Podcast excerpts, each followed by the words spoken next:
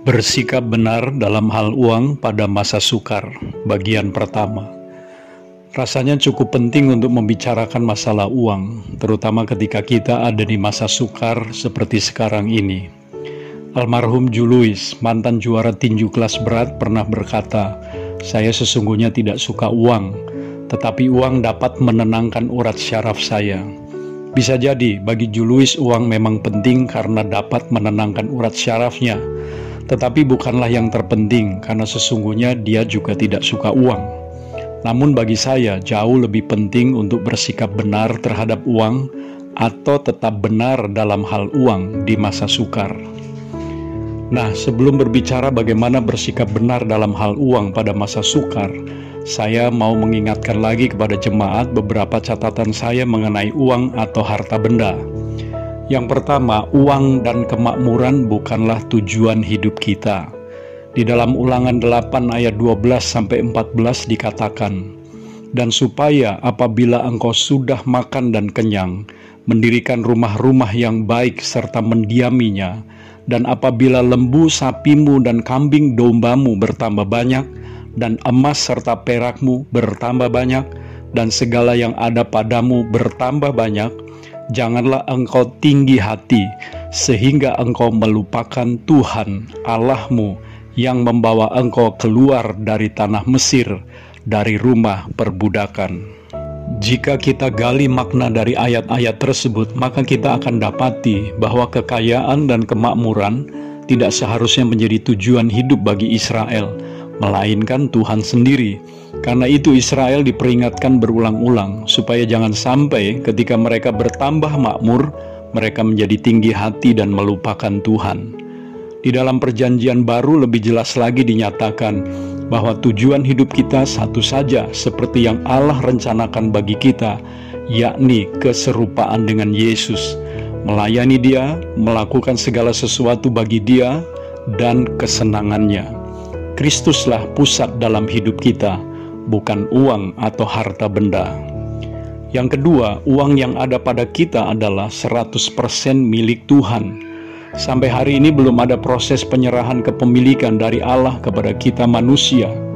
Di dalam ulangan 8 ayat 18 dikatakan, Tetapi haruslah engkau ingat kepada Tuhan Allahmu, sebab dialah yang memberikan kepadamu kekuatan untuk memperoleh kekayaan, dengan maksud meneguhkan perjanjian yang diikrarkannya dengan sumpah kepada nenek moyangmu, seperti sekarang ini, Jelas dikatakan bahwa Allah lah yang memberi kita kekuatan untuk beroleh kekayaan, dan kekayaan itu diberikan untuk meneguhkan perjanjian yang Allah ikrarkan kepada nenek moyang kita sebagai Israel rohani, yakni Abraham, supaya dengan kekayaan itu kita menjadi berkat bagi dunia ini dengan memberitakan Injil Kristus. Namun, banyak orang percaya sering kali melupakan hal yang penting ini saya mengutip tulisan dari pendeta Erastus Sabdono untuk mengingatkan kita lagi. Banyak orang yang merasa bahwa semua yang dimilikinya adalah miliknya sendiri. Tidak heran jika hartanya bertambah, maka rumahnya semakin besar, mobilnya semakin mewah, perhiasannya makin berkilauan, barang-barangnya semakin branded, dan lain sebagainya. Inilah irama hidup manusia pada umumnya termasuk banyak orang Kristen. Mereka merasa bebas menggunakan harta yang ada pada mereka sesuka hati, sebab mereka merasa harta yang dimiliki adalah hasil jerih lelahnya. Orang-orang seperti ini adalah perampok-perampok di mata Allah yang suatu hari nanti harus bertanggung jawab di hadapan Tuhan. Yang ketiga, uang harus digunakan untuk membangun persahabatan dengan Tuhan dan mendatangkan kebaikan bagi sesama. Matthew Henry dalam tafsirannya mengenai bendahara yang tidak jujur dalam Injil Lukas 16 mengatakan pendapatnya tentang uang atau mamon yang tidak jujur. Karena itu baiklah kita menggunakan milik kita di dunia ini, yaitu mamon yang tidak jujur untuk kemuliaan Allah dan untuk kebaikan saudara-saudara seiman kita supaya dengan demikian bersama-sama dengan mereka kita bisa mengumpulkan suatu harta yang baik, suatu jaminan yang baik, suatu dasar yang baik juga untuk mencapai kekekalan yang akan datang Bandingkan 1 Timotius 6 ayat 17 sampai 19. Yang keempat, uang diberikan bukan untuk memuaskan keinginan diri kita sendiri. Paulus mengatakan dalam Efesus 4 ayat 28, Orang yang mencuri, janganlah ia mencuri lagi, tetapi baiklah ia bekerja keras dan melakukan pekerjaan yang baik dengan tangannya sendiri, supaya ia dapat membagikan sesuatu kepada orang yang berkekurangan. Dari empat poin di atas, kita dapat melihat bahwa uang di tangan kita selalu terkait dengan Tuhan sebagai pemilik dan orang lain sebagai bagian yang harus menerima faedahnya.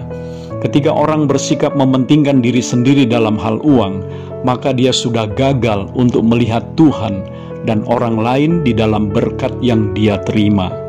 Di sinilah uang sepenuh-penuhnya adalah sarana, sarana yang melaluinya kita dapat menjadi sahabat dengan Tuhan dan mendatangkan berkat serta keselamatan bagi jiwa-jiwa.